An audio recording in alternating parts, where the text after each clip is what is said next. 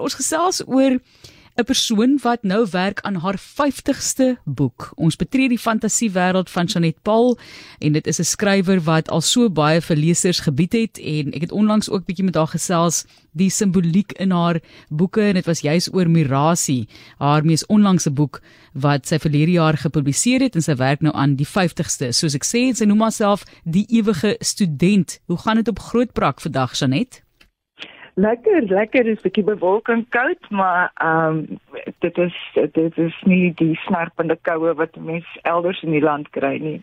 Ten minste kan mense sê dis die perfekte skryf en lees weer, nê, nee, of hoe? Absoluut. nee, om so in die studeerkamer te sit en te weet dis koud daar buite is baie lekker knus. Jy het begin met jou studies in 1977, toe jy 'n BA gedoen eh, daarso Afrikaans, Nederlands en psigologie as hoofvakke aan die Potchefstroomse Universiteit. Praat met ons bietjie oor waar die gogga gebyt het as skrywer, want ek dink dit raak altyd noodwendig makliker nie, maar jy kry dalk 'n stelsel wat vir jou goed werk en die stories wat makliker vloei en toe ek met jou gepraat het, toe sê jy jy werk al klaar in jou kop aan die 51ste boek. Maar waar het vir jou begin as skrywer dink jy, Janet? Nee, ek dink dit het eh, as ons dit nou baie ver terugneem, dan dit het maar begin by my ma wat vir my sprokies vertel het. En sommer haar eie stories ook opgemaak het. Ek het van vandat ek kan onthou, is ek net heeltemal ehm um, storie beserk. Ek ek ek, ek was soos eers ek was die enigste kind gewees en ek ek dink dit het daar ook dalk daartoe bygedra maar ek was altyd aan die stories opmaak in my kop. En ehm um, ek het van vandat ek kon letters maak het ek vir myself stories neergeskryf. En uh, ja en op 16 jarige ouderdom het ek 'n sprokie geskryf wat ehm um, uitgesaai is deur uh Simbamba destyds. Ek weet nie hoeveel mense nog onthou van daardie program nie. Natuurlik, natuurlik. en dan uh ja, en ek het altyd maar storieetjies neergeskryf en een um in 'n oomblik van waagmoed na die huisgenoot nog gestuur des jare. Um en uh, dit het ek dit het verskyn. En toe ek was toe besig om te studeer en ek het die een storie na die ander uh, weer na die huisgenoot en Sari gestuur. En ehm um, elke keer kom ek terug en sê uh, Benny Fritz was nog by huisgenoot destyds en sê hy's goed geskryf, maar as te min storie. Ai. En ja, en dit is nou ironies, ehm um, ek het 20 jaar gevat voordat ek weer reg probeer het en uh, wat nou ironies is is dat baie mense sê my stories is nou te te veel storie te ingewikkeld. Ek kon nie wen nie. maar gelukkig het ek my groep lesers wat van my stories hou. Ja. En is interessant die pad soos jy sê wat jy gestap het baie jonk toe jy nou jou eerste storie geskryf het op 16 het jy begin met daardie stories en eh, jy het vir 'n kleuterprogram dit oor die radio voorgeles. Watter raad was dit op RSG die Afrikaanse radio was 'n ander radiostasie geweest? Ehm um, ek dink dit was net die Afrikaanse um, ja. radio. Ek ek kan nie baie goed onthou nie, maar ek weet dit is dis deur uh, Kosie Venter voorgeles. Goed. Uh hy was hy was hy was 'n baie goeie voorleser. Ek het dit nooit self gehoor nie. Ek was in die klas. Ons sal dit moet soek. Dit moet iewers wees in die argiewe.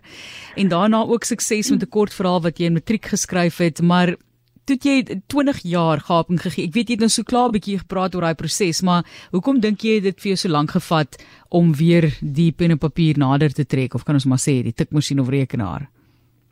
Ehm um, life happens. Dit is maar ek het gestudeer. Ek het ek het verder studeer na na my BA graad en na OD. Ek het getrou. Ehm um, ons het baie rondgetrek.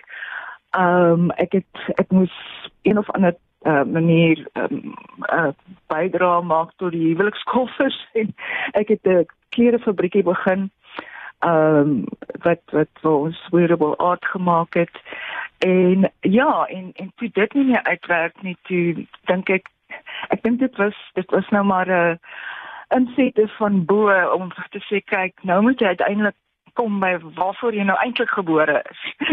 jy het nou nou 'n bietjie ervaring opgedoen, jy het nou geleef. Ehm um, nou is jy reg om stories te skryf. En ja, toe ek eers begin te kon ek nie ophou nie. Ja, en jog, weer eens toe ek die dag hoor jy het nou al 50 boeke geskryf. Toe het ek amper vir my stoel afgeval. Ek weet jy werk nou aan die 50ste, maar volgens my is hy nou geskryf. Ek gaan dit nou tel, Janet.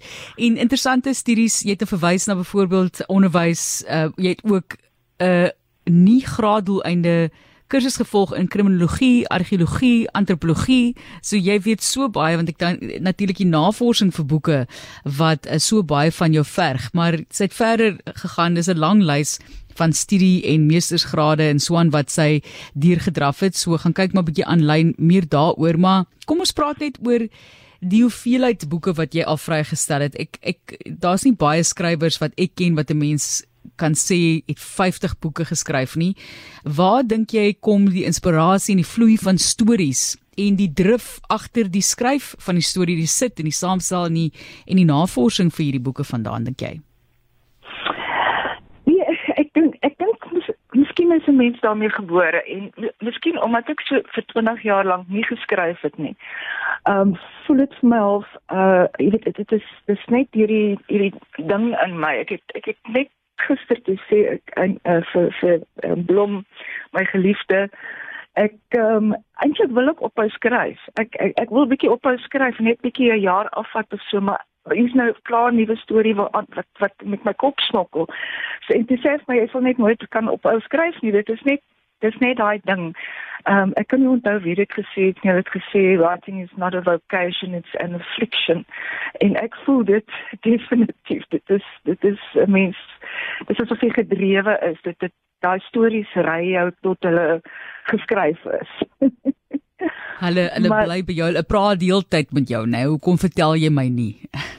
ja, van ding. En dan dink jy, o, maar wie daai kan werk en ek het byvoorbeeld gister was ons George toe gewees en daar ry ons met 'n straat af waar ek al hoeveel keer afgelei gery het en ek sien hierdie naam van 'n gebou en daar weet ek wat my volgende boek se titel gaan wees. Fantasties. So daai inspirasie kom net van alle kante af, Sanet. Ja, van oral af. Nee, die die lewe is die inspirasie. Mense is inspirasie. Alles is inspirasie en dan ja, natuurlik lees. Ek ek lees geweldig baie ook uh, baie nuwe fiksie en doen baie navorsing oor baie verskillende goed, party beland in boeke, party nie. Ehm um, ja, ek ek is letterlik 'n ewige student. Ek is gek oor navorsing en nuwe goedes op te lees en na te lees daaroor. Ek moet sê iemand vra my eendag, "Waar kom al die idees vir die onderhoude vir jou vandaan, Martelies?" En sê ek, "Maar dit is oral rondom my. Dit is letterlik ja. alles rondom my is vir my op 'n of ander manier 'n inspirasie vir onderhoud, maar indien jy pas by ons aangesluit het, haar naam is Janet Paul. Sy's 'n skrywer en sy werk tans aan haar 50ste boek en ek het onlangs met haar gesprek gevoer oor die laaste een wat eh, dan nou vrygestel is, die 50ste een moet klaar geskryf word en dis natuurlik Mirasie. En ons het bietjie gepraat oor jou kan ek maar sê 'n geestesoog en jou kreatiwiteit en die simboliek wat jy ook probeer inwerk in jou werk. En met Mirasie gaan ons na Verlate en Fontein en die baie interessante storie wat daarvan af kom. So klein bietjie ek wil ek wil sê bo wêrelds nie is dit 'n woord? Gee vir ons 'n bietjie van die insig van wat jy gebruik het om hierdie storie te vertel op 'n interessante manier wat jy dit benader het Men vir my is is is is enige misterie, enige raaisel, enige onverklaarbaarheid natuurlik. Ehm um, soos boerewors nou in ons ook ek ek kan ek kan dit nie weerstaan om um, op te uh, daaroor nie. Ek ek ek lees nou spesifiek vandag weer 'n boek oor 'n ding wat mense ander mense dalk sal afskrik maar wat vir my verskriklik interessant is. En ehm um, die paranormale ehm um, is nog is vir my baie interessant. Daar is vir my nie 'n kwessie van is dit waar of is dit nie waar nie. Dit is as sodanig vir my baie interessant. Ehm um, jy weet dit is dit maak nie saak of dit waar is of nie. Dit is interessant dat mense sekere goed beleef. En ehm um, Ja, ek is dit is ek dink dit is baie basiese nuuskierigheid. Ek is net 'n verskriklik nuuskierige mens oor onverklaarbaarhede. Ek probeer dit nie verklaar nie, maar wanneer ek daaroor skryf, dan maak ek al vir myself sin daarvan. En ehm um, want ja, dit die die die spirituele ook, dit is dit is vir my geweldig interessant om daaroor op te lees. En wat jy weet wat 'n mens interesseer beland nou maar in jou boeke. Mooi gestel. Inderdaad, wel ek ek hoop dit maak hom vir jou ten minste 'n bietjie makliker ook dat dit makliker vloei op so 'n manier. So Janet, wat is jou skryfproses? Het jy eendag 'n groot bord daar met 'n klomp papiertjies wat opgeplak is om vir jou die verloop en die storielyn van jou karakters te bied en waarmee is dit 'n gewone rekenaar? Mense is altyd vreeslik gefassineer oor hoe hierdie tipe van dinge werk en elkeen se eie proses. Ja, elkeen het seker sy eie proses. Ek kan byvoorbeeld glad nie 'n uh, um, enige storie vooraf ehm um, opsom eers vir myself nie. Ehm um, soos ek sê, ek het nou gister het ek 'n titel gekry. Nou dink ek oor die titel en dan kom maar karakters na my toe en dan dink ek ja, dit kan werk en dan of dit is op 'n plek en jy sien hierdie plek gaan werk vir 'n storie en ehm um, dit is ja dit is eintlik so van 'n alchemistiese proses waar ehm um, jy nou maar net al hierdie hierdie dinge toets en kyk en ek begin skryf met 'n vae idee. Ehm um, ek ek ek ek weet min of meer ehm um, wat die wat die algemene genre is. Ehm um, jy weet uh, of dit nou uh, meer meer op die meer klem op die liefdesverhaal val of meer klem op die spanningsroman val. Ehm um, en dan kom hierdie goed bymekaar, maar my groot geheim is dat ek ek skryf ek ek maak tabelle met tydlyne. En dan ehm um, gaan lees ek op oor iets byvoorbeeld ek dink vir Mirasie het ek begin in uh dink 1810 en dwarsdeur tot 2021. En ehm um, dan die gebeurtenisse in daardie verloop van die tyd en dan skryf ek vir myself neer ehm um, watter vir my karakters is wanneer gebore en wanneer dit wat met hulle gebeur en so aan. So dit is my groot geheim om tred te hou met wat aangaan. Maar verder is dit uh, eintlik 'n baie organiese uh, proses. Ek ek ek jy weet dit so fly by the seat of your pants van skryf. so plat op die aarde ook sy sê sy's 'n katliefhebber, onbehendig maar ywerige tuinier en hopelose kok. En jy versamel goeders, soos jy sê in aanhalingstekens Janet.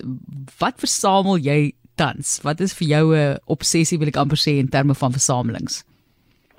Man, enige ding wat wat wat wat klingel, enige ding wat net vir my mooi is, enige ding wat kan hang en beweeg. Ehm um, soos jy weet mobiles en daai goed en ek maak ook my eie um, enige ding wat wat wat vir my plesier vir die oog gee. Ehm um, wat ja. Ja. Ek ek is baie lief vir klingels byvoorbeeld. Die hele tuin hang vol klingels. Wonderlik, wonderlik. Ja, jy weet ook sommer as daar iemand in die tuin is, maar ja. Janet, ehm um, ons tyd is besig om vinnig vinnig uit te loop net in terme van genres, jy het al redelik beweeg tussen genres, byvoorbeeld die historiese liefdesroman Bittersoet Wals wat in 1999 uitgegee is. Ehm um, en dan kyk 'n mens natuurlik terug ook na uh waar jy teruggekeer het na die spanningsroman genre in 2012 met Labirint. Hoekom voel jy jy beweeg so tussen genres en gaan jy nou bly by die genre wat jy tans in bevind? Jy uh, my my uh, vandat ek ehm um, wegbeweeg het van die van die suiwer liefdesverhale af. Ehm um, het ek ek wou altyd die spanningsroman skryf maar gemeng met liefde. Nou dit is dit is dit is my dit is my gunsteling genre wat ek lees. Dis dit is die genre waarin ek gemaklik voel.